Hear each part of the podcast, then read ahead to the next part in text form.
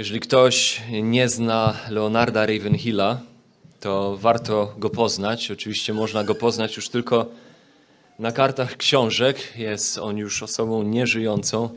Miał niezwykłą żarliwość do głoszenia Ewangelii, do opowiadania o Jezusie innym. E, chciałem przeczytać pewien cytat od Ravenhilla. Czy ratownik może bezczynnie siedzieć, słysząc krzyk tonącego? Czy lekarz może spoczywać wygodnie, patrząc, jak jego pacjenci umierają? Czy strażak może nic nie robić, pozwalając ludziom płonąć? Czy ty możesz, zwraca się do chrześcijanina, czy ty, chrześcijaninie, możesz siedzieć wygodnie na Syjonie, podczas gdy świat wokół ciebie ginie w potępieniu?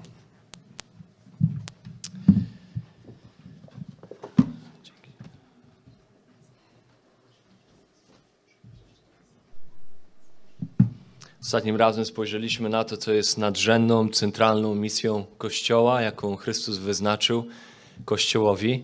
I dzisiaj chciałem, żebyśmy zatrzymali się właśnie na tym, o czym mówi Ravenhill, na tym, co jest w centrum tej misji Kościoła, tej centralnej misji. W centrum wielkiego nakazu misyjnego stoi głoszenie Ewangelii. Jakbyście spojrzeli na chwilę na Ewangelię Łukasza, 15 rozdział, wersety 5 do 7 Ewangelia Łukasza, 15 rozdział, wersety 5 do 7. Tam widzimy w tym fragmencie jedną z rzeczy, która wywołuje eksplozję radości w okręgach niebieskich. Ale też nie tylko to, widzimy tam też tak naprawdę to ratownicze, misyjne serce Boga, ewangelizacyjne serce Boga. Czytamy, a odnalazłszy, on kładzie ją na ramiona swoje i raduje się. Jest tutaj mowa o zgubionej owcy. Słowa te zawarte są na zakończenie przypowieści, którą Jezus opowiedział o pasterzu, który znajduje zgubioną owcę. Więc kładzie ją na swoje ramiona i raduje się. I przyszedłszy do domu, zwołuje przyjaciół i sąsiadów, mówiąc do nich: Weselcie się ze mną, gdyż odnalazłem moją zgubioną owcę. Powiadam wam, większa będzie radość w niebie z jednego grzesznika, który się upamięta, niż z dziewięćdziesięciu dziewięciu sprawiedliwych, którzy nie potrzebują upamiętania. I właśnie z jednej strony widzimy to, co wywołuje radość w okręgach niebieskich. To jest to, z czego niebiosa się radują. Jezus tutaj w tej przypowieści, czy też w jej zakończeniu pokazuje nam, że coś o wielkiej wartości zaginęło i że ma miejsce zdeterminowane poszukiwanie tej zaginionej rzeczy, a gdy zostaje ona znaleziona, wybucha wielka radość. Tym, co zostało zgubione, to są oczywiście ludzie, a Bóg ukazany jest w tej przypowieści jako wielki ewangelista. Można powiedzieć wielki misjonarz, wielki poszukiwacz i znaleziciel tych, którzy zostali zgubieni, tych, którzy są zgubieni. I oczywiście my, którzy jesteśmy Jego uczniami, naturalne jest to, że jesteśmy wzywani, by podzielać tę samą wrażliwość w poszukiwaniu czy w znajdowaniu zgubionych, ale też i tą samą radość, kiedy zgubieni się znajdują, kiedy dostępują zbawienia. To jest to, co tak naprawdę jest centralnym elementem tej centralnej misji Kościoła jeżeli chodzi o nasze czynienie uczniami ludzi spośród wszystkich narodów, to to ma miejsce, to czynienie innych uczniami ma miejsce poprzez zwiastowanie tym ludziom przesłania o życiu, śmierci i zmartwychwstaniu Chrystusa.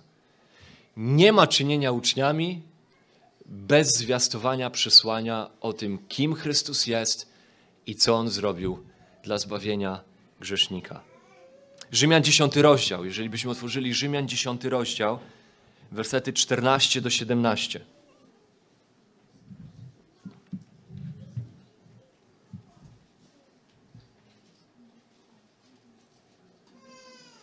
Każdy bowiem, kto wzywa imienia Pańskiego, zbawiony będzie. To jest ta dobra nowina. Ale jak mają wzywać, pyta Paweł. No jak mają wzywać tego, w którego nie uwierzyli? A jak mają uwierzyć w tego, o którym nie słyszeli. A jak mają usłyszeć, jeżeli nie ma tego, który by im zwiastował? A jak mają zwiastować, jeżeli nie zostali posłani? Jak napisano, o jak piękne są nogi tych, którzy zwiastują dobre nowiny. Lecz nie wszyscy dali posłuch dobrej nowinie, mówi bowiem Izajasz, Panie, któż uwierzył zwiastowaniu naszemu. Wiara więc jest ze słuchania, a słuchanie przez Słowo Chrystusowe. Widzimy w tym fragmencie poniekąd wyjaśnienie tego, jak w wielkim nakazie misyjnym, gdzie mamy wezwanie do tego, by czynić uczniami. Jak czynić uczniami? Poprzez pójście, idąc, chrzcząc i nauczając ich wszystkiego, co wam przykazałem. To właśnie w, tym, w tej frazie idąc, czynimy uczniami idąc, jest zawarte wezwanie do głoszenia Ewangelii. To jest to, co wyjaśnia Paweł w Rzymian w 10 rozdziale. To jest część naszego posłania, to jest część tego, jak nasze nogi, poruszając się przez ten świat, mają jeden cel, jedną determinację w stosunku do ludzi w tym świecie, i to jest zwiastowanie im dobrej nowiny. Ponieważ wiara jest ze słuchania, a słuchanie przez to zwiastowanie. Zwiastowanie nowiny, w której centrum stoi Chrystus. Jako chrześcijanie zaangażowani w czynienie uczniami jesteśmy pierwszorzędnie, pierwszorzędnie. Jesteśmy heraldami, tymi, który, o, którzy ogłaszają dobre wieści o ratunku, o zbawieniu, jakie jest w Chrystusie.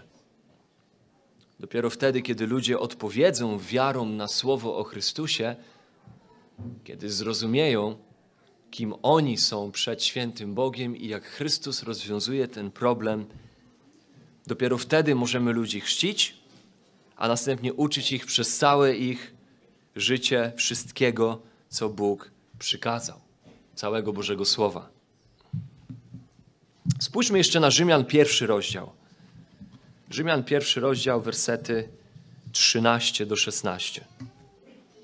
W kontekście głoszenia Ewangelii. Paweł pisze, a nie chcę, bracia, abyście nie wiedzieli, że często zamierzałem przybyć do was, aby i wśród was, podobnie jak wśród innych narodów, zebrać jakiś plon – lecz aż do tej chwili miałem przeszkody. Jestem dłużnikiem Greków i nie Greków, mądrych i niemądrych. Tak więc, jeśli o mnie idzie, gotów jestem zwiastować Ewangelię i wam w Rzymie. Albowiem nie wstydzę się Ewangelii Chrystusowej. Jest ona bowiem mocą Bożą ku zbawieniu każdego, kto wierzy. Najpierw Żyda, potem Greka.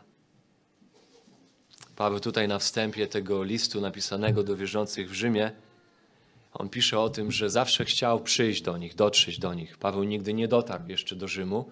I tutaj wyraża swoje to takie odwieczne pragnienie, odkąd Bóg zbawił go, żeby kiedyś dotrzeć do Rzymu. I tu widzimy w wersecie dziewiątym, jakbyśmy się cofnęli, aby i tam móc zwiastować Ewangelię. To było to jego pragnienie. Że nawet do Rzymu dotrzeć, aby też tam w Rzymie głosić Ewangelię czy też aby także i w Rzymie, werset 13, inaczej to nazywa, zebrać jakiś plon. Aby zebrać jakiś plon. W 14 wersecie Paweł mówi o sobie: Jestem dłużnikiem ludzi. Wszystkich ludzi. Greków, nie Greków, mądrych, niemądrych. Kiedy myśli o tym y, pragnieniu, które ma w sercu, by pójść także i do Rzymu, by tam zwiastować Ewangelię, by tam zbierać plon, to myśli o tym w reakcji postrzegania siebie jako dłużnika wszystkich ludzi. Co Paweł ma na myśli, mówiąc, że on jest dłużnikiem wszystkich ludzi? Greków, nie Greków, mądrych, niemądrych. On tutaj mówi o ludziach niewierzących, mówi o ludziach w tym świecie, mówi o ludziach ówczesnych Jemu, co Paweł ma na myśli, mówiąc o tym, że jest dłużnikiem ludzi w kontekście swojej motywacji do tego, by być zwiastunem Ewangelii, by otwierać swoje usta i opowiadać przesłanie o Jezusie? To słowo dłużnik może być rozumiane dwojako. Dłużnika możemy rozumieć w ten sposób. Ktoś daje mi, ktoś pożycza mi 100 złotych i ja jestem jemu dłużny, żeby mu oddać Dopóki ja mu nie zwrócę tych 100 złotych, jestem jego dłużnikiem. W innym sensie można zrozumieć słowo dłużnik, w takim sensie, że dajesz mi 100 złotych i mówisz: przekaż te 100 złotych Łukaszowi. I dopóki ja nie przekażę tych pieniędzy Łukaszowi, jestem w pewnym sensie i Twoim dłużnikiem, Twoim tego, który te 100 złotych dał mi, żebym ja je przekazał dalej, ale jestem jednocześnie dłużnikiem Łukasza, dopóty, dopóki mu nie przekażę tych 100 złotych. Coś zostało mi dane, żeby jemu to przekazać. I o takim długu mówi Paweł tutaj w kontekście zwiastowania Ewangelii. On nie mówi o długu, który coś dostał od ludzi w tym świecie i teraz musi im to zwrócić. Nie o takim długim długu mówi tutaj Paweł. On mówi o sobie, że jest dłużnikiem zaiste ludzi niewierzących, niezbawionych, ale w tym sensie, że on dostał coś od Boga. Dostał pewne bogactwo, dostał pewien skarb, z którym się wiąże pewne wezwanie, żeby przekazać go dalej. I w tym sensie Paweł rozumie siebie, pojmuje siebie jako dłużnika. Bóg dał mi Ewangelię, która jest, werset 16 Paweł mówi, która jest mocą do zbawienia. Jest Bożą mocą do zbawienia każdego, kto wierzy. Bóg dał mi tę Ewangelię, więc mówi w wersecie 16, nie wstydzę się jej. Jestem dłużnikiem wszystkich ludzi, żeby to, co okazało się mocą dla mnie samego, żeby zdjąć łuski z moich oczu, żeby moje serce ze śmierci przenieść do życia, z kamiennego uczynić mięsistym. Ta moc zbawienia, której ja doświadczyłem, kiedy Bóg dał, włożył Ewangelię w moje serce, sprawia, że jestem dłużnikiem wszystkich ludzi, żeby podzielić się z nimi tym, co sam otrzymałem. W takim sensie Paweł pojmuje siebie jako dłużnika. Ja zrozumiałem przesłanie o Chrystusie, dostąpiłem zbawienia i dopóty, dopóki nie przekażę Ewangelii innym, mam wobec nich dług. Takie jest znaczenie słów Pawła, kiedy pisze: Jestem dłużnikiem wszystkich ludzi. Więc jeżeli o mnie idzie, gotów jestem zwiastować Ewangelię także i Wam w Rzymie. Zawiera się tutaj dla nas ogromna motywacja. Motywacja, by głosić innym Ewangelię. Jesteśmy dłużni innym przesłanie o Chrystusie. Jeżeli to przesłanie chwyciło za nasze serca, pojednało nas z Bogiem, z tego przesłania mamy przebaczenie grzechów. Jesteśmy dłużni, by tym przesłaniem dzielić się z innymi. I tragedią chrześcijaństwa jest to, że wiele osób nie ma poczucia takiego długu wobec ludzi w tym świecie. Tragedią tego świata i chrześcijaństwa dzisiaj w świecie jest to, że często nie mamy poczucia tego długu wobec ludzi wokół nas. Wielu ma przekonanie, że ich wiara jest po prostu ich prywatną i osobistą sprawą i w imię nienarzucania niczego innym nie rwą się do opowiadania o Jezusie, a wręcz czynią wymówki, nawet by tego nie robić. Prawda jednak jest taka, że musimy mówić ludziom o Jezusie. A niestety w wielu przypadkach będzie to postrzegane bardzo negatywnie przez świat. Ja rozumiem, to są rzeczy, które często sprawiają, że jest w nas strach, są w nas obawy, ale bez wątpienia jest to coś, do czego Słowo nas wzywa, jako będące w centrum tej misji, którą Chrystus zostawił nam jako Kościołowi, a także nam indywidualnie jako każdemu chrześcijaninowi. Więc Paweł opisuje w wersecie 16 swoją postawę wynikającą z tego, więc mówi ja, więc nie wstydzę się Ewangelii Chrystusowej, jest ona bowiem mocą Bożą ku zbawieniu każdego, kto wierzy, najpierw Żyda, potem Greka. Ta Ewangelia jest mocą Bożą, to jest coś potężnego, to jest coś wspaniałego. Tutaj nie ma się czego wstydzić. I Paweł mówi, więc ja nie jestem onieśmielony, nie wstydzę się, nie jestem skrępowany Ewangelią. Nie boję się utraty dobrej opinii z powodu mojego opowiadania innym o Jezusie. Bo Paweł wie, że w przesłaniu Ewangelii, w przesłaniu Ewangelii zawiera się sprawa życia i śmierci tych, którym ją opowiada. Paweł doskonale rozumie to, o czym mówiliśmy w zeszłym tygodniu, że jest coś gorszego w tym świecie niż fizyczna śmierć, a mianowicie wieczna śmierć w piekle. Człowieka, który w swoim usposobieniu stał się wrogiem Boga i bałwochwalcą w swoim sercu.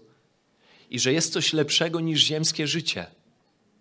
Życie wieczne z Bogiem, życie wieczne w wiecznym zachwycie tego, kim Bóg jest, sposób w jaki człowiekowi nienarodzonemu na nowo nawet nie przychodzi przez myśl, jak można ekscytować się poznaniem wspaniałości i piękna i majestatu Boga. Ale jest coś lepszego niż życie ziemskie, życie wieczne z Bogiem, właśnie w wiecznym zachwycie Jego chwałą, pod doskonałymi rządami Jego sprawiedliwości i Jego pokoju, bez grzechu, bez wojny, bez łzy, bez bólu, bez rozczarowań. Dlatego Paweł może powiedzieć: Życiem dla mnie jest Chrystus, śmierć jest zyskiem. Musimy opowiadać ludziom to przesłanie, to przesłanie Ewangelii. To przesłanie, że największym problemem ich życia jest ich grzech. A że ich największym wrogiem jest święty Bóg. Bo straszna to rzecz wpaść w ręce żywego Boga. I w takim razie za ich grzechy, za grzechy grzesznika musi zostać dokonana zapłata. Bóg jest Bogiem doskonale sprawiedliwym, sprawiedliwości musi stać się zadość i za grzechy i przestępstwa człowieka musi zostać dokonana zapłata, musi być wymierzona sprawiedliwość. I uwaga, albo ich grzechy zostaną uznane za spłacone w ich zastępstwie na krzyżu Chrystusa, albo będą musieli sami za swoje grzechy ponosić wieczną zapłatę w piekle. To jest to przesłanie, które my jesteśmy dłużni, by zwiastować się światu wokół nas. I w ramach tych fundamentów wiary chrześcijańskiej chciałem, żebyśmy krótko właśnie pomówili sobie dzisiaj o ewangelizacji. O ewangelizacji jako fundamentalnym aspekcie naszej chrześcijańskiej działalności, naszej chrześcijańskiej aktywności, naszego chrześcijańskiego zaangażowania, czy naszego, jak to Paweł często nazywa w swoich listach, chodzenia w języku greckim, naszego postępowania przez życie, kroczenia, naszego kroczenia przez życie, jako fundamentalny aspekt naszego chrześcijańskiego kroczenia przez życie. Najpierw odpowiedzmy sobie na pytanie, czym jest ewangelizacja. 2 Koryntian 5 rozdział, wersety 17 do 21. 2 Koryntian 5 rozdział, 17 do 21. Tak więc, jeśli ktoś jest w Chrystusie, nowym jest stworzeniem, stare przeminęło, oto wszystko stało się nowe. A wszystko to jest z Boga, który nas pojednał z sobą przez Chrystusa i powierzył nam służbę pojednania. To znaczy, że Bóg w Chrystusie świat sobą pojednał, nie zaliczając im ich upadków, i powierzył nam słowo pojednania. Dlatego w miejsce Chrystusa poselstwo sprawujemy, jak gdyby przez nas Bóg upominał. W miejsce Chrystusa prosimy, pojednajcie się z Bogiem. On tego, który nie znał grzechu, za nas grzechem uczynił, abyśmy w nim stali się sprawiedliwością Bożą. To, co chciałem, żebyśmy zobaczyli w tym bardzo bogatym fragmencie, któremu mogliśmy z lekkością poświęcić całe kazanie, to to, jak Paweł rozumie ewangelizację. Jak w tym fragmencie Paweł rozumie ewangelizację? W jakich kategoriach ją postrzega? Wcześniej, w wersecie 14, jakbyście zerknęli, wcześniej w wersecie 14 zaznacza, że miłość Boża, miłość Boża, której on doświadczył Ewangelii, miłość Boża objawiona w tym, co Bóg zrobił dla niego w Chrystusie, tak chwyciła za jego serce, że go ogarnia, pochłania go, kontroluje go, motywuje go. O tym mówi w wersecie 14.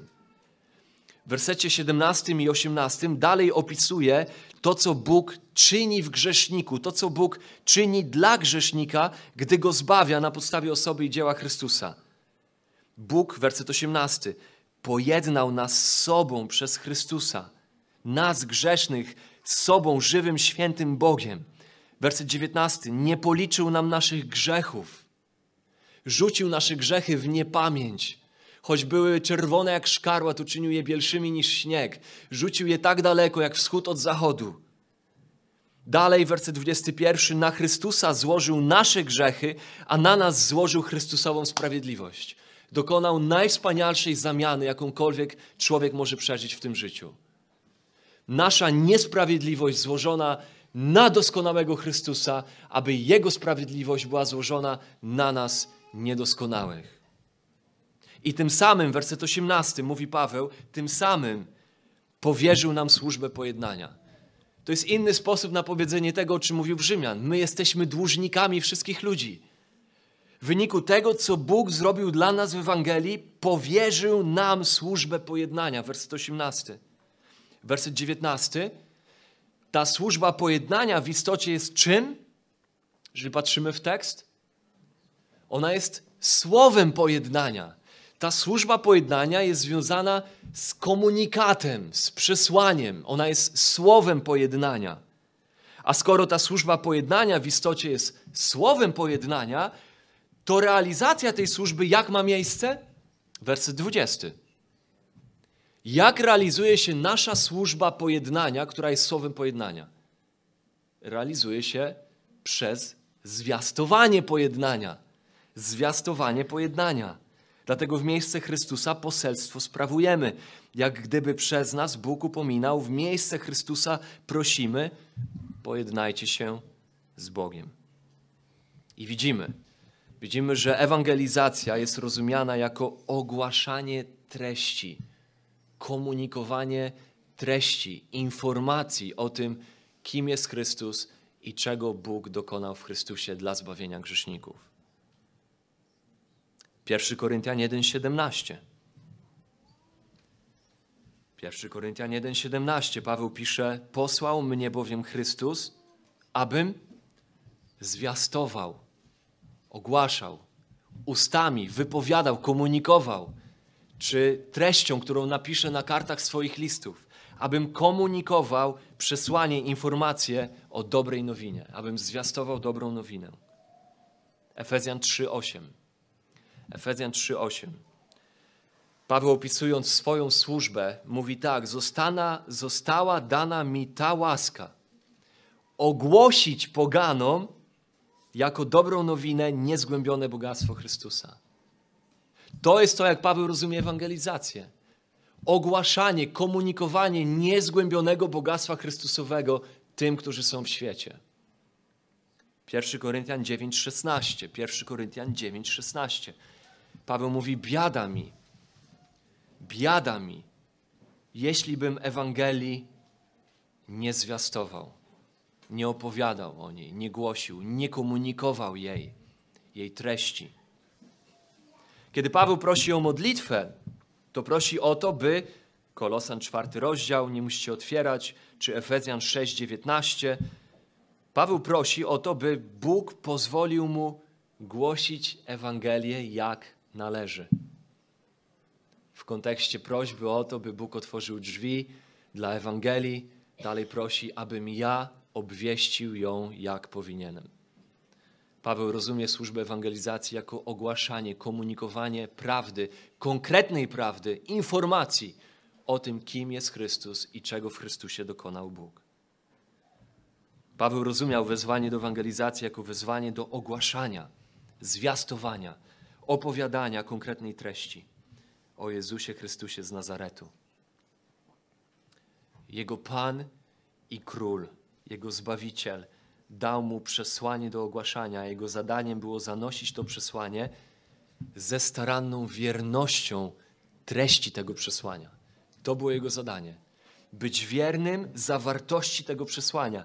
Nic do niego nie dodając, nic od niego nie odejmując, i nic w nim nie zmieniając, nie modyfikując, nie upiększając, nie czyniąc go bardziej atrakcyjnym dla tych, którzy mają tego słuchać. On miał to przesłanie ogłaszać. Nie jako genialny pomysł kolejnego człowieka, który tutaj w swojej kreatywności tworzy kolejny ruch religijny. Przesłanie kolejnego człowieka, pomysł kolejnego człowieka potrzebujący ozdobienia i upiększania, tak by zrobić wrażenie na ludziach, czy im zaimponować. ale jako słowo od Boga, mówi Paweł. Opowiadać w imieniu Jezusa słowa niosące w sobie autorytet Jezusa i uwierzytelniane w przekonywującej mocy Ducha Świętego w sercach tych, których Bóg pragnie ratować. Tak Paweł rozumiał służbę ewangelizacji. Mogłoby się wydawać nam, że jest to coś totalnie oczywistego, a jednak tak nie jest. Wydawać, wydawać by się mogło, że no przecież wiadomo, że ewangelizacja to jest mówienie innym o Jezusie. A jednak oczywiste takie to nie jest. Na przykład, czym ewangelizacja nie jest i jak często dzisiaj w powszechnie rozumianym kościele, szeroko rozumianym kościele, często zrozumienie ewangelizacji jest właśnie na takie sposoby wypaczane. W kontekście tego, na co spojrzeliśmy, ewangelizacja nie jest dobrymi uczynkami. Ewangelizacja nie jest społeczną aktywnością. Nie jest naszym świadectwem moralnego życia. To po pierwsze. Ewangelizacja nie jest dobrymi uczynkami. Powszechne powiedzenie, które zapewne słyszeliście. Głoś Ewangelię, a kiedy to konieczne, używaj słów. Głoś Ewangelię, a kiedy to konieczne, używaj słów. Oczywiście nie ma nic bardziej mylnego, nic bardziej niewłaściwego. Prawidłowo to powiedzenie powinno brzmieć raczej tak. Głoś Ewangelię, a kiedy to możliwe, ozdabia ją uczynkami. Gdyż nie ma możliwości głoszenia Ewangelii bez używania słów, czy to mówionych, czy spisanych. Ale Ewangelia nie jest obrazkiem mojego życia, Twojego życia, Twojej moralności i mojej moralności. Ewangelia jest informacją o Jezusie Chrystusie z Nazaretu i to, jak On jest Panem i Królem i Zbawicielem grzeszników. Nie ma możliwości pokazać Ewangelii uczynkami.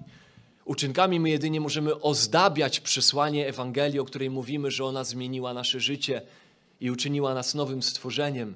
Pokazała nam chwałę Bożą na obliczu Chrystusowym i nasze życie już nigdy nie było takie samo. Dlatego Paweł pisząc do Tytusa pisze o dobrych uczynkach jako o tych, które dekorują Ewangelię, które są ozdobą Ewangelii. Dobre uczynki nie są ewangelizacją. Nie istnieje coś takiego jak ewangelizacja przez dobre uczynki. Jest tylko jedna ewangelizacja. To jest ewangelizacja przez zwiastowanie przesłania o tym, kim jesteś Ty jako grzesznik i kim jest Bóg jako święty Bóg i kim jest Chrystus jako Zbawiciel. To jest jedyna ewangelizacja, jaka istnieje. Co oczywiście nie oznacza, że uczynki nie powinny być ozdobą naszego życia. Jak najbardziej. Jest to oczywiście tragedią też dzisiejszego chrześcijaństwa, jak wiele hipokryzji i obłudy jest pośród tych, którzy deklarują czy identyfikują siebie jako chrześcijan, a w ich życiu żadnych owoców podobieństwa do Chrystusa nie ma. Dalej, ewangelizacja nie jest apologetyką czy polemiką z ludźmi. Ewangelizacja nie jest apologetyką czy polemiką z ludźmi. Jak nawytykałem rzymskiemu katolikowi, jak niebiblijny jest kult Maryi, albo jak wygram dyskusję z ateistą na temat stworzenia, to wtedy myślę, że dokonałem ewangelizacji. No otóż nie. Ewangelizacja to nie jest spieranie się o dogmaty, to nie jest Ewangelia. Wygrywanie sporów o niuanse dogmatyczne nie jest Ewangelią. Jest to oczywiście ważne. Drugi Piotra, trzeci rozdział, wersety 15-16.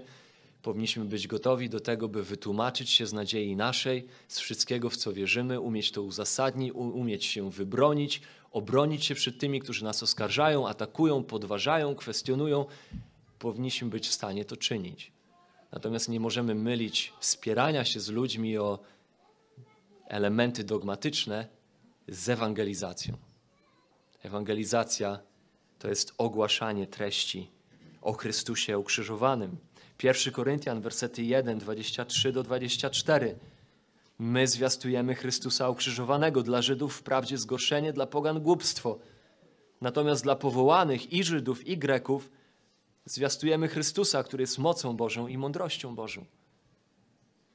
To jest opis ewangelizacji.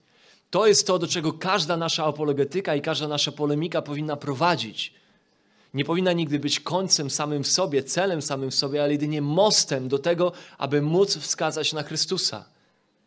Pokusą dzisiaj ogromną jest mylić ewangelizację z apologetyką, bo poprzez apologetykę i polemikę łatwiej jest wyglądać na inteligentnych, na mądrych, imponować tym, którzy nas słuchają, myśleć, że my poprzez swoją inteligencję i argumenty, które wyjmiemy z rękawa, przekonamy innych do Królestwa Bożego. Jest to postawa całkowicie inna od tej, którą miał Paweł, której czytamy w tym fragmencie. My zwiastujemy Chrystusa ukrzyżowanego, rozumiejąc, że dla jednych to przesłanie będzie głupstwem, dla innych będzie obrazą, ale dla tych, którzy uwierzą, jest mocą do zbawienia. To jest to przesłanie, które stoi w centrum ewangelizacji. Dalej, to wszystko na to spojrzeliśmy, oznacza, że ewangelizacja nie jest dzieleniem się osobistymi świadectwami. Ewangelizacja to nie dzielenie się swoimi osobistymi świadectwami. Moje i Twoje doświadczenia życiowe, uwaga, nie są Ewangelią dla ludzi. Nie są Ewangelią. Jezus naprawił moje małżeństwo. Jezus pomógł mi znaleźć pracę. Jezus pomógł mi natychmiast pokonać jakiś nauk. Jezus dał mi zdrowie. Jezus sprawił, że pustka w mojej duszy została wypełniona. Żadna z tych rzeczy nie jest Ewangelią. Dzielenie się swoimi osobistymi świadectwami nie jest Ewangelią ani ewangelizacją. Znowu, dobrze jest dzielić się swoimi świadectwami i aktywnością i mocą Bożą w naszym życiu i miłością Bożą w naszym życiu jako skuteczną, by nasze życie zmieniać, ale znowu jak z apologetyką i polemiką. Tylko wtedy, kiedy służy jako most do wskazania na informację o tym, kim jest Jezus Chrystus z Nazaretu i dlaczego ty, grzeszniku, powinieneś się pojednać dzisiaj z Bogiem przez Jego ofiarę na krzyżu, Jego życie, Jego zmartwychwstanie. Tylko wtedy nasze świadectwo ma jakiś sensowny cel w misji ewangelizacji. Dalej. To oznacza, że ewangelizacja nie jest jakąś metodą czy wydarzeniem. Ewangelizacja to nie metoda i nie wydarzenie i nie program kościelny. Niektórzy są kuszeni, by myśleć, że ewangelizacja to jest kiedy ktoś tam gdzieś głosi na ulicy. Ewangelizacja to spotkanie na stadionie z jakimś celebrytą chrześcijańskim. Ewangelizacja to akcja rozdawania ulotek.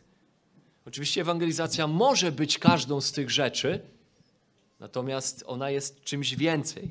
Nie jest jedynie tymi rzeczami. Wręcz bardziej biblijną definicją ewangelizacji, biblijnym obrazem ewangelizacji jest po prostu wierne i żarliwe oddanie każdego chrześcijanina głoszeniu Ewangelii z tymi, których Bóg postawił w jego życiu, tam gdzie są i wtedy, kiedy jest to możliwe. Pierwszy Tesaloniczan, pierwszy rozdział, wersety 8 do 9. Pierwszy Tesaloniczan 1, wersety 8 i 9. Tam Paweł, dziękując Bogu za to, co się wydarzyło w kościele w Tesalonice, pisze między innymi, że od was bowiem rozeszło się słowo pańskie – nie tylko w Macedonii i w Achai, ale też wiara wasza w Boga rozkrzewiła się na każdym miejscu, tak iż nie mamy potrzeby o tym mówić, bo oni sami opowiadają o nas, jakiego to u was doznaliśmy przyjęcia i jak nawróciliście się od bałwanów do Boga, aby służyć Bogu żywemu i prawdziwemu. Co my tutaj widzimy? Widzimy wdzięczność Pawła za po prostu świadectwo życia tych ludzi którzy swoim życiem pokazali, że porzucili bałwochwalstwo, zaczęli żyć dla prawdziwego Boga i wraz z tym przemienionym życiem rozgłaszali to wszędzie, gdzie szli. To jest obraz prawdziwej ewangelizacji. To nie jest metoda, to nie jest wydarzenie, to nie jest jakiś program kościelny, ale to jest nasze codzienne kroczenie przez życie w żarliwości i wierności tej treści o tym, kim jest Jezus Chrystus z Nazaretu. I dalej, to wszystko też oznacza, że ewangelizacja to nie rezultaty ewangelizacji. Uwaga, ewangelizacja to nie rezultaty ewangelizacji. Ewangelizację bardzo często dzisiaj definiuje się poprzez efekty ewangelizacji. Mówi się, że coś było dobrą ewangelizacją bo wygenerowało wiele decyzji dla Chrystusa. To była dobra ewangelizacja. Dobra ewangelizacja rozumie się bardzo często, że ma miejsce wtedy, kiedy nawraca się wiele osób.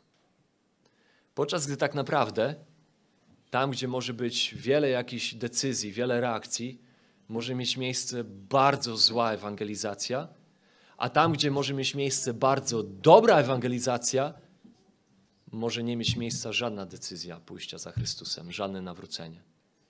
Dlatego, że dobra ewangelizacja to nie efekty naszego głoszenia Ewangelii, ale dobra ewangelizacja to jest ta, która wiernie, prawdziwie ogłasza w miłości przesłanie o Chrystusie. Kropka. Tam nie ma nic więcej. To nie jest głoszenie Ewangelii tak, by ludzie się nawracali. To już jest za dużo. A tak dzisiaj jest definiowana ewangelizacja w wielu książkach i wielu ruchach ewangelizacyjnych.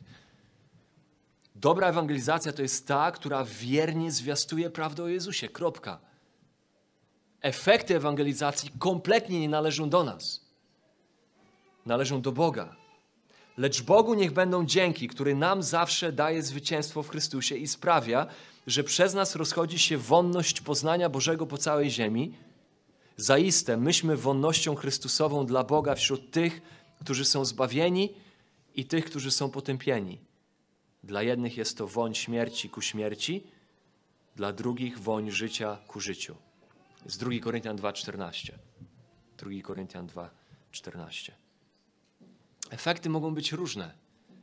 Kiedy ogłaszamy Ewangelię, czasami mogą być efekty zwiastowania ku śmierci, ponieważ nikt się nie będzie nawracał, serca będą się zatwar, zatwardzały, a czasami może być to w drugą stronę efekty ku życiu, ku zbawieniu, wonność ku życiu. Ewangelizacja definiowana przez efekty kiedy my zaczynamy rozumieć, że e, dobra ewangelizacja, że wypełnianie misji ewangelizacji to jest pozyskiwanie ludzi.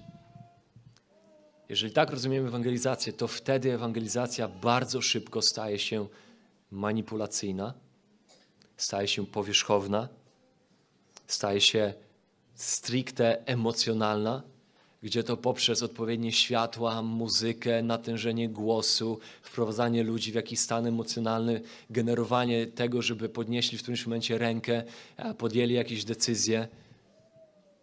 Bo wtedy my myślimy, że dobra ewangelizacja to jest ta, która generuje efekty.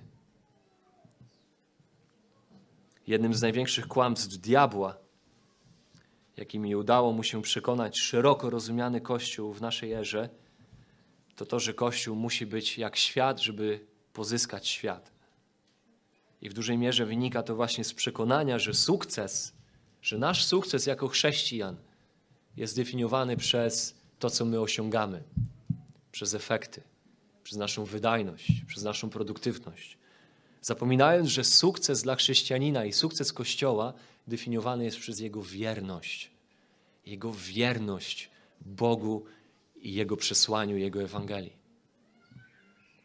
W każdym razie to największe kłamstwo jest wynikiem właśnie tego, wynika właśnie z tego przekonania, że sukces to efekty, to rezultaty, że tu jest sukces. W tym, jak my rośniemy, ile my ludzi zdobywamy, ile ludzi my tutaj zgromadzamy. I tak też w wyniku tego uwielbienie Boga śpiewem zamienia się w koncerty. Głoszenie słowa zamienia się w sermonetki i pogadanki kościelne. Wyznawanie grzechów zamienia się w budowanie samooceny. Uczniostwo w kościele zamienia się w coaching. W biblijnym poradnictwie Bóg ze swoim duchem i swoim wszechwystarczającym słowem zostaje zastąpiony schrystianizowaną wersją Freuda. Argumentuje się, że wszystko przecież jest dobre, o ile Biblia nie mówi wprost, że jest złe a szczególnie jeśli okazuje się skuteczne w zdobywaniu ludzi, no to wtedy to już w ogóle musi być dobre. No bo skoro ludzie przychodzą, reagują, to to na pewno jest dobre. Tym samym głupstwo krzyża, jak nazywa to Paweł, głupstwo krzyża, głoszenie Ewangelii, która jako jedyna jest nazwana mocą do tego, by zbawić każdego, kto wierzy. W najlepszym wypadku ginie, pośród innych, bardziej działających metod, a w najgorszym wypadku jest w ogóle nieobecna. Tym samym Kościół, szeroko rozumiany, zrezygnował z jednej i najwspanialszej rzeczy, jaką ma, a której świat nie posiada. Postrzegając swoją misję ewangelizacji w kategoriach rywalizacji ze światem, rywalizacji ze światem, czyli zróbmy muzykę jak świat, żyjmy jak świat, bawmy się jak świat, praktykujmy rozrywkę jak świat, akceptujmy to, co akceptuje świat. W, tej, w, tej, w, tym, w tym wyścigu, w rywalizacji ze światem, tak naprawdę zapomniał o jednej, jedynej rzeczy, którą ma, a której świat nie ma. W każdej innej rywalizacji Kościół jest skazany na porażkę w konkurencji ze światem. Ale jest ta jedna rzecz, najważniejsza, najcenniejsza, najpiękniejsza, którą Kościół ma, a która nie jest obecna w tym świecie. To jest przesłanie o zbawieniu, które jest w Jezusie Chrystusie z Nazaretu dla każdego grzesznika, który uwierzy. tak by grzesznik mógł poznać Boga i pojednać się z Bogiem i zobaczyć piękno chwały Bożej, tak jak wcześniej nawet sobie tego nie wyobrażał, na obliczu Chrystusowym.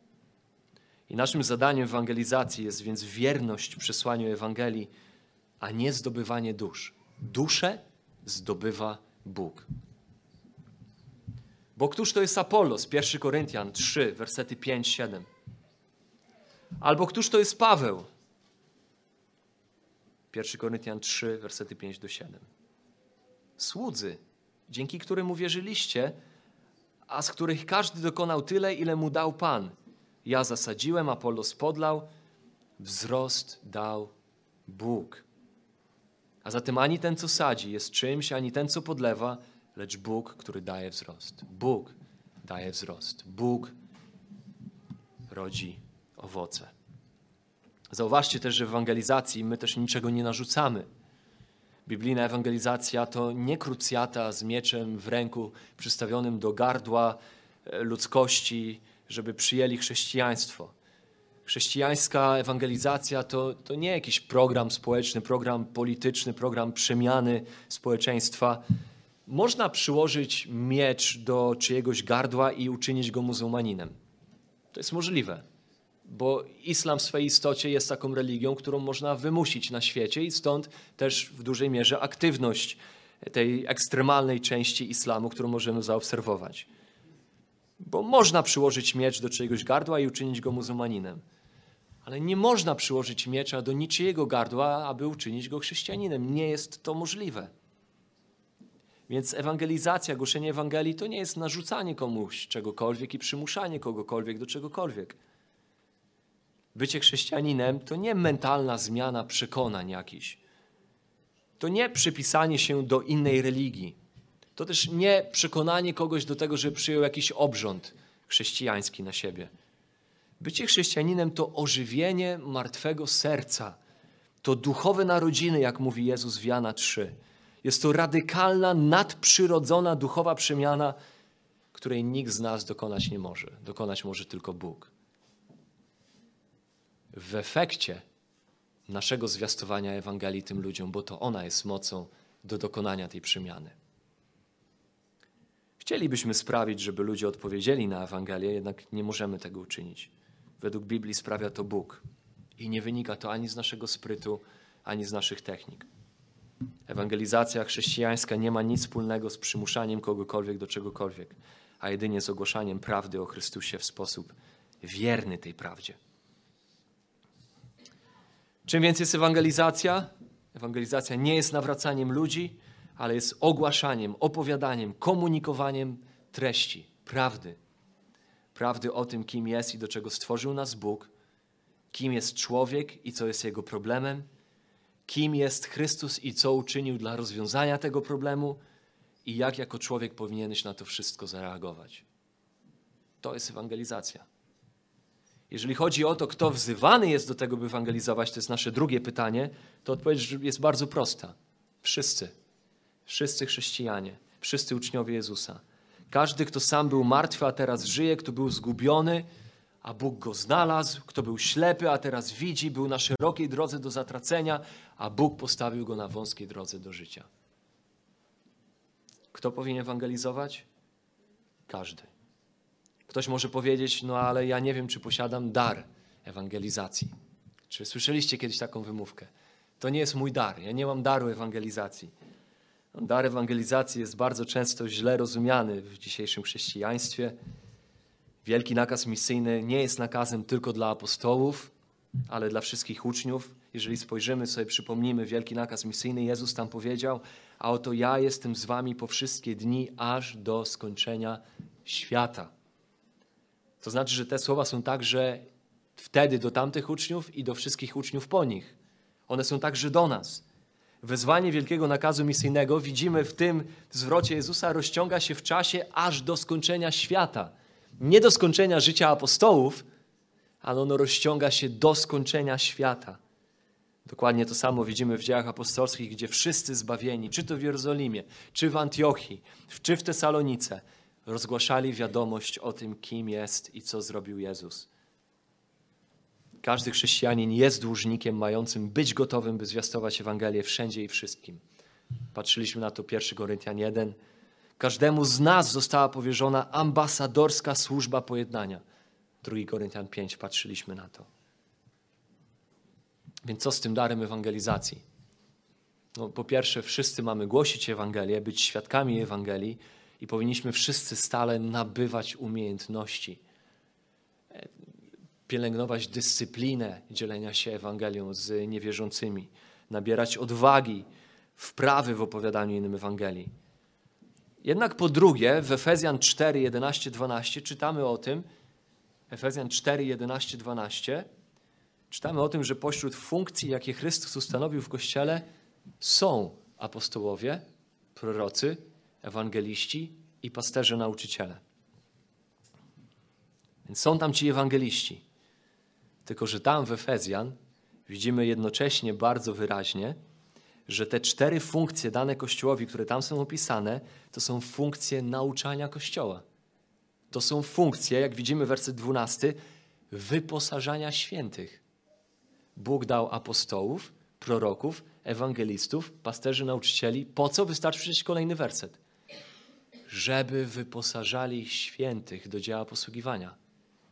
Więc widzimy, że ewangeliści, ci, o których tam jest mowa w tym fragmencie, którzy są darem dla Kościoła, ci, którzy mają ten dar, to są konkretnie te osoby, które są w szczególny sposób ustanowione przez Boga, aby w Jego Kościele innych nauczać, innych szkolić, trenować, pomagać im być lepszymi do tego, by wszyscy byli wyposażeni do dzieła posługiwania, dzieła ewangelizacji.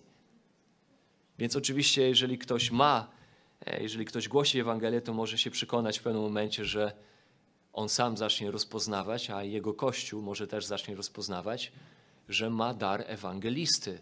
W tym sensie, żeby teraz też zacząć przekierowywać to, czym obdarzył go Bóg, na to, żeby nie tylko głosić Ewangelię zgubionym, ale żeby zacząć szkolić, trenować, wyposażać Kościół do tego dzieła posługiwania. To jest dar ewangelizacji. To nie jest element wymówki dla chrześcijan, że ja tego daru nie mam, więc głosił nie będę. Nawet ten, kto jest ewangelistą, założenie jest takie, że on sam najpierw będzie tym, który głosi Ewangelię wszędzie, gdzie jest. Więc innymi słowy, chrześcijanin incognito nie jest opcją. Chrześcijanin, który nie tłumaczy swojej nadziei i wiary położonych w Chrystusie, nie jest opcją. Ja rozumiem, że czasami nasz stosunek do ewangelizacji może być podobny do naszego stosunku do wizyty u dentysty. Albo zaczynamy prawić wymówki i odkładać to na kiedy indziej, albo zaciskamy zęby, bierzemy się w garść i chcemy mieć to już jak najszybciej za sobą. Tak to często jest z ewangelizacją. Lecz Pismo pomaga nam spojrzeć na ewangelizację też i w inny sposób bardziej jak na królewskie wezwanie do ogłaszania wieści o największym zwycięstwie, jakie świat kiedykolwiek widział i kiedykolwiek zobaczy dla każdego człowieka, który chwyci się Chrystusa jako swojego Pana i Zbawiciela, aby w ten sposób mógł przejść ze śmierci do życia, czy z królestwa ciemności do królestwa Syna Bożego umiłowanego. Ludzie bez Chrystusa idą do piekła to nie jest lekka rzecz. Jeżeli jako chrześcijanie wierzymy,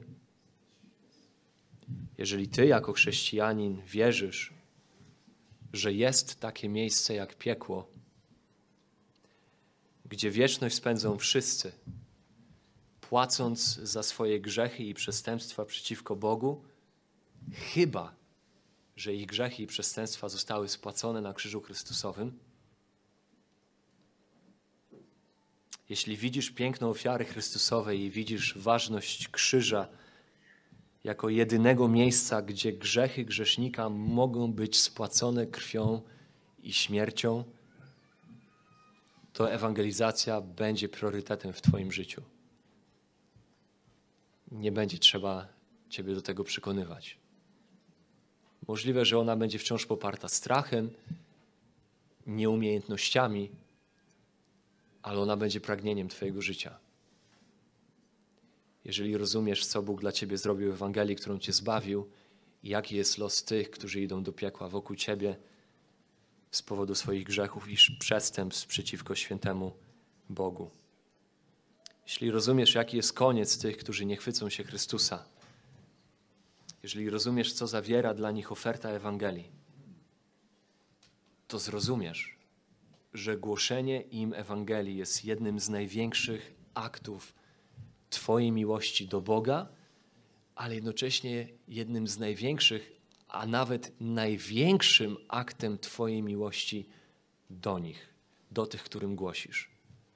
Jest to większy akt miłości niż podarowanie jakichś dóbr materialnych, czy pomóc w przewiezieniu jakichś rzeczy, czy bycie przy czyimś łożu w czasie ciężkiej choroby. Największym darem miłości jest odwaga w powiedzeniu im o tym, co jest ratunkiem dla ich wieczności. I pozwólcie, że zakończę jednymi chyba z najbardziej uderzających słów na ten temat, jakie przeczytałem, które pochodzą od osoby niewierzącej. To są słowa magika, znanego mamika Pengilet. I on pisze tak. Zawsze mówiłem, że nie szanuję ludzi, którzy nie nawracają innych. On oczywiście nie rozumiał tutaj tego niuansu ewangelizacji, że my nie nawracamy innych. My głosimy Ewangelię z nadzieją, że Bóg obudzi serca ludzi i ukaże im piękno chwały swojej, ukazane w Chrystusie. No w każdym razie, zawsze mówiłem, że nie szanuję ludzi, którzy nie nawracają innych nie mówią innym o Chrystusie. Nie szanuję ich wcale. Bo jeśli wierzysz jako chrześcijanin, że istnieje niebo i piekło, i myślisz, że ludzie wokół ciebie mogą iść do piekła i nie otrzymać życia wiecznego z Bogiem, i myślisz, że nie warto się postarać, by im o tym powiedzieć, bo może to być kulturowo niezręczne, to pytam, jak bardzo musisz kogoś nienawidzić, by go nie próbować nawrócić? Chodzi mi o to, że jeśli wierzyłbym, że ciężarówka jadąca w Twoją stronę miałaby w Ciebie wjechać, a Gdybyś nie wierzył, że to ma jakieś znaczenie, to pewnie zabrałbym Ciebie z drogi siłą. A przecież tutaj chodzi o coś jeszcze ważniejszego niż ciężarówka. Pochylmy głowy w modlitwie.